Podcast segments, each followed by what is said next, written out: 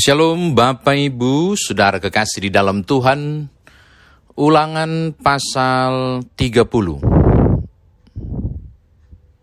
Ayat 1 hingga ayat yang kelima akan menjadi bahan renungan kita pada kesempatan ini. Sekali lagi, silakan membuka ulangan pasal 30 ayat 1 hingga ayatnya yang kelima. Mari kita berdoa. Kami mau mendengar firman-Mu ya Tuhan dari Alkitab yang sebentar akan kami baca dan renungkan. Tolonglah kami untuk memahami dan mengerti firman Tuhan ini dalam kehidupan beriman kami demi Tuhan Yesus Juru Selamat. Amin. Ulangan pasal 30 ayat 1 hingga ayat yang kelima. Sebaiknya saudara membaca sampai ayat yang ke-10 ya. Saya hanya baca sampai ayat yang kelima. Maka apabila segala hal ini berlaku atasmu, yakni berkat dan kutuk yang telah kuperhadapkan kepadamu itu dan engkau menjadi sadar dalam hatimu di tengah-tengah segala bangsa ke mana Tuhan Alamu menghalau engkau. Dan apabila engkau berbalik kepada Tuhan Alamu dan mendengarkan suaranya sesuai dengan segala yang kuperintahkan kepadamu pada hari ini baik engkau maupun anak-anakmu dengan segenap hatimu dan dengan segenap jiwamu, maka Tuhan Alamu akan memulihkan keadaanmu dan akan menyayangi engkau. Ia akan mengumpulkan engkau kembali dari segala bangsa ke mana Tuhan Alamu telah menyerak, menyerahkan engkau. Sekalipun orang-orang yang terhalau daripadamu ada di ujung langit, dari sana pun Tuhan Alamu akan mengumpulkan engkau kembali dan dari sana pun ia akan mengambil engkau. Tuhan Alamu akan membawa engkau masuk ke negeri yang sudah dimiliki nenek moyangmu, dan engkau pun akan memilikinya pula. Ia akan berbuat baik kepadamu dan membuat engkau banyak melebihi nenek moyangmu. Demikian firman Tuhan. Saudara dan saya dikatakan berbahagia jika mendengarkan firman Tuhan ini merenungkannya, memberitakannya istimewa, melakukan dalam kehidupan beriman kita. Bapak Ibu, kalau orang mau berpisah, dia pasti akan membuat pidato perpisahan, ya tak? Atau kata-kata perpisahan. Nah, kitab ulangan ini adalah kitab berisi pidato perpisahan Musa. Begitu. Makanya ditulis ulangan. Karena semua diulang oleh Musa tentang apa yang sudah terjadi, diingatkan ulang tentang 10, 10 hukum, diingatkan pula tentang perintah-perintah dan kehendaknya. Jadi Musa tahu dia tidak akan masuk, toh? Dan bangsa ini akan masuk.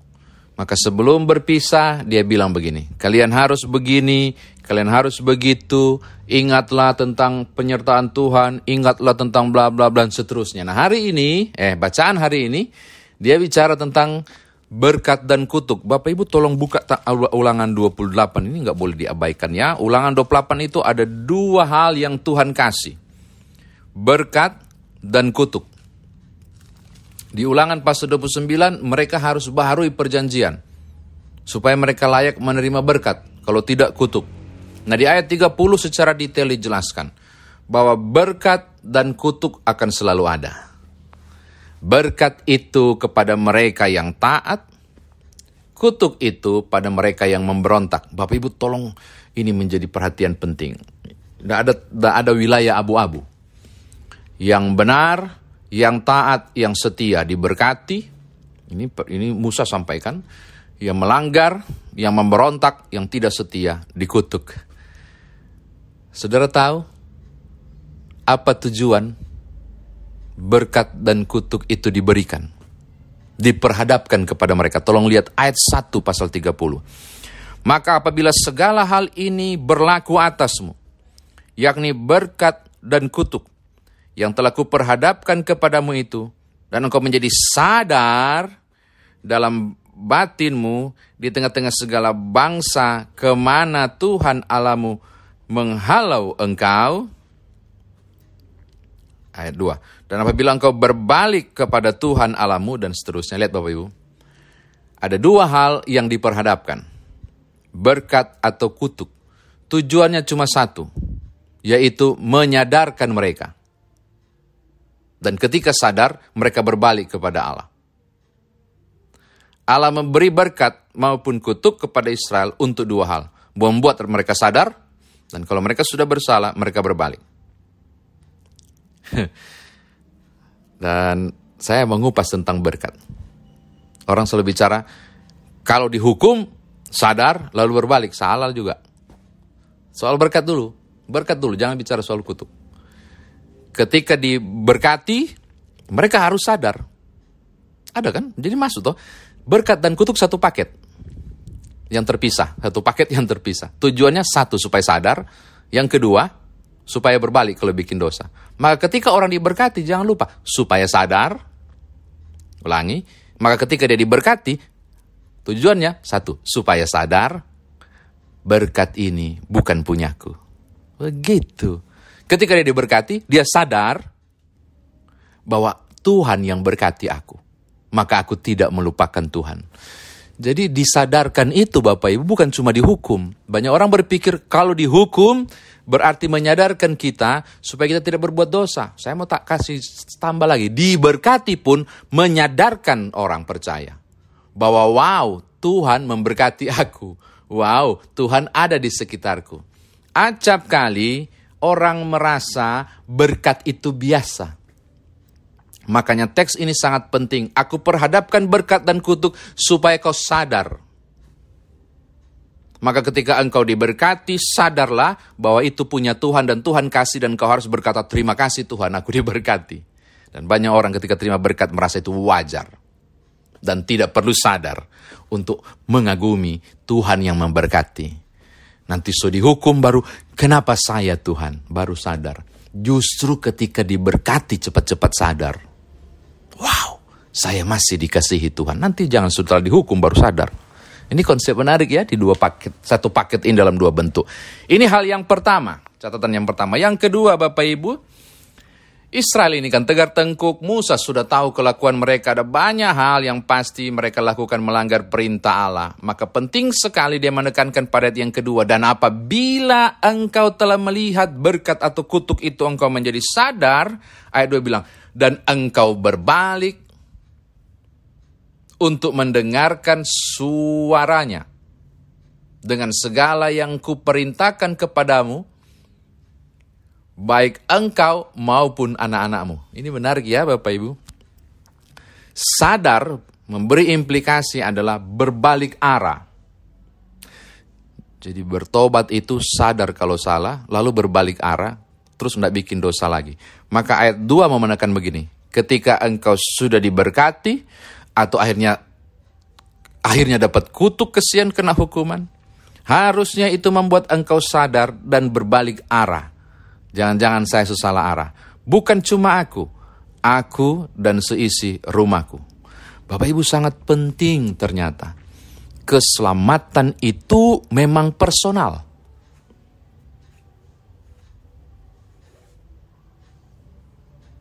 Tetapi juga berarti universal. Paling tidak berlaku untuk seisi rumah. Begitu. Jangan hanya engkau yang berbalik, tetapi engkau dan seisi rumahmu mesti berbalik. Jangan cuma engkau yang selamat personal, tapi juga engkau dan seisi rumahmu universal. Diluaskan bahkan seluruh bangsamu. Keselamatan itu sangat pribadi, tapi juga bisa berlaku universal. Ketika bukan aku saja yang bertobat, bukan aku saja yang berbalik, tetapi aku dan seisi rumahku. Karena kan uh, Yosua waktu dia mau meninggal toh dia bilang tetapi aku dan seisi rumahku akan beribadah kepada Tuhan.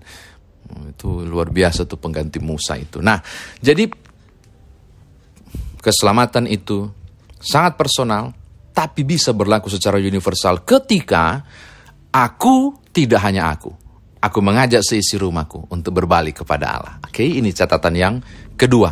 Bapak Ibu kekasih dalam Tuhan, kalau saudara baca ayat 3, 4, 5 dan seterusnya, itu bicara soal engkau baik, engkau diberkati, engkau akan dipulihkan. Maka catatan ketiga mau tutup firman Tuhan ini begini. Kita uh, Israel berharap diberkati. Tetapi Israel tidak membaharui hubungannya dengan Tuhan. yang nggak bisa. Bicara soal berkat, bicara soal barak. Itu bahasa Ibrani, teman-teman tetangga kita bilang barokah, kita bilang barak. Barak itu berarti menjalin hubungan yang dalam. Saya begitu arti barak, memberkati.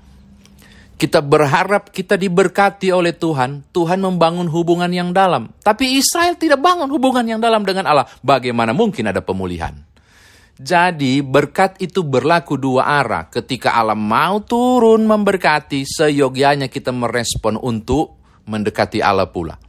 Maka orang hanya mungkin diberkati kalau dia berbalik kepada Allah dan mengalami pemulihan. Ujung akhir dari berkat, tolong lihat, 4, 5, 6, 7, 8, 9, 10 adalah pemulihan. Tolong lihat ayat 9. Ayat 10 ini luar biasa ya. Tuhan alamu akan melimpahi engkau dengan kebaikan dalam segala kerajaanmu, ternakmu, hasil bumimu. Bahkan kalau pasal 28, buah kandunganmu. Ush, sampai urusan kandungan, sampai urusan dapur, sampai urusan penghasilan. Dari semua segi, Tuhan mau memberkati. Tapi Israel, engkau harus berbalik kepada Allah. Kan gitu. Konsepnya menarik. Pemulihan akan terjadi dan berkat akan dilimpahi. Di dalam berbagai segi. Asalkan mereka berbalik kepada Allah. Coba lihat 10 apabila engkau mendengarkan suara Tuhan alamu dan berpegang pada perintah dan ketetapan yang dituliskan. Saya kira demikian firman Tuhan ditafsirkan bagi kita. Nah sekarang bagaimana saudara dan saya bawa firman Tuhan ini dalam kehidupan beriman kita. Yang pertama Bapak Ibu Saudara, perhatikanlah ada berkat atau kutuk. Saya nggak bicara soal kutuk, saya bicara soal berkat. Hari ini saudara baru saja diperhadapkan dengan berkat oleh Tuhan. Dan menurut teks kita, orang yang diperhadapkan dengan berkat maupun berhadapkan dengan kutuk, orang itu menjadi sadar. Tahukah saudara bahwa hari engkau hari ini engkau diperhadapkan dengan berkat ketika buka mata dari tidur? Apa itu? Bangun dengan tubuh yang diberkati, hati penuh sukacita. Bangun di saat saudara tidak bikin apa-apa, Tuhan memulihkan sel-sel tubuh saudara melalui istirahat dan bangun dengan tubuh yang diberkati. Bangun berarti dipanjangkan umur. Bangun berarti saudara menemui hari esok. Itu berkat. Seharusnya langkah pertama, ketika paling pertama di awal hari, saudara diberkati. Maka langkah pertama, saudara dan saya mesti buat kesadaran total. Bukan sadar bangun, sadar langsung iman. Wow, saya diberkati. Dan Tuhan memberkati saya terpujilah engkau Tuhan. Sepele ya, sepele. Tapi banyak orang ketika diberkati tidak sadar. Nah hari ini kita ditegur. Aku memperhadapkan berkat dan kutuk supaya kau sadar, kata Tuhan. Maka sekarang ketika saudara merasa ada berkat, paling tidak bangun pagi. saudara umur panjang berarti hari ini kan? Dapat maksud tambahkan setawa, setah, sehari lagi hari ini kan? Maka seharusnya Bapak Ibu, reaksi pertama kita sadar. Kesadaran iman. Bapak terima kasih Terpujilah engkau. Wow, hari ini aku diberkati. Berapa banyak orang yang menganggap wajar kalau bangun pagi. Syukur bangun. Kalau ternyata nggak bangun besok. Tak penting kan? Jadi menyadari itu adalah berkat. Tiap hari harusnya kita mengalami sense of wonder, rasa takjub. Itu kesadaran tuh, rasa takjub. Kok bisa saya hidup ya? Kok bisa saya bangun pagi ya? Terpuji-pujilah engkau Tuhan. Sepele. Tapi ini menjadi hal penting. Itu hal yang pertama Bapak Ibu. Yang kedua dan yang terakhir, selalu berkat itu berhubungan dengan perilaku kehidupan yang benar dan hukuman atau kutuk itu berhubungan dengan perilaku kehidupan yang buruk. Berapa banyak dari Bapak Ibu dan Saudara kemudian merasa begitu layak untuk diberkati, dan bertanya kepada Tuhan, "Mengapa aku mengalami ini dan mengalami itu? Mengapa aku mengalami ketidaknyamanan dalam hidup dan kesengsaraan? Mengapa engkau tidak memberkati aku?" Seharusnya ketika menghadapi sesuatu yang tidak enak, barangkali kesengsaraan kehidupan, itu pun menyadarkan kita, ada apa saya? Jangan tanya ke Tuhan, tanya pada diri sendiri. Banyak orang lebih menuntut untuk diberkati, tetapi tidak melakukan pertobatan. Banyak orang menuntut mendapatkan kelimpahan, lihat ayat 9, tapi tidak mengerjakan ayat 10, yaitu berbalik kepada Allah, melakukan semua ketetapan dan peraturan yang Tuhan tentukan. Banyak orang menuntut berkat, tapi lari dari kesiapan dan kesediaan menaati kehendak Allah. Engkau hanya mungkin diberkati kalau engkau taat. Simple. Jika saudara menuntut Allah memberkatiku, engkau juga harus menuntut dirimu untuk setia pada ketaatan kepada Allah. Sayang sekali bahwa kita menjadikan Tuhan sebagai bawahan untuk kita perintah, berkati aku, pimpin aku, tuntun aku. Tapi kita tidak pernah menempatkan Tuhan lebih tinggi dari tiap permohonan kita, yaitu lewat perilaku hidup di dalam ketaatan. Jika engkau taat, jika engkau nunut, jika engkau patuh, engkau sedang menempatkan Tuhan di atas. Tetapi jika engkau tidak taat dan merengek berkat, engkau sedang menjadikan Tuhan budak maaf. Saya gunakan istilah itu. Berapa banyak orang yang menuntut banyak hal kepada Tuhan, tapi tidak hidup dalam ketaatan kepadanya. Itu berarti siapa? Engkau adalah Tuhan, dan Tuhanmu menjadi hamba. Ngeri kan? Hiduplah dalam ketaatan, kepatuhan, sebagai cara saudara berkata, Tuhan, aku taat, karena engkau adalah pribadi yang maha besar dan maha tinggi.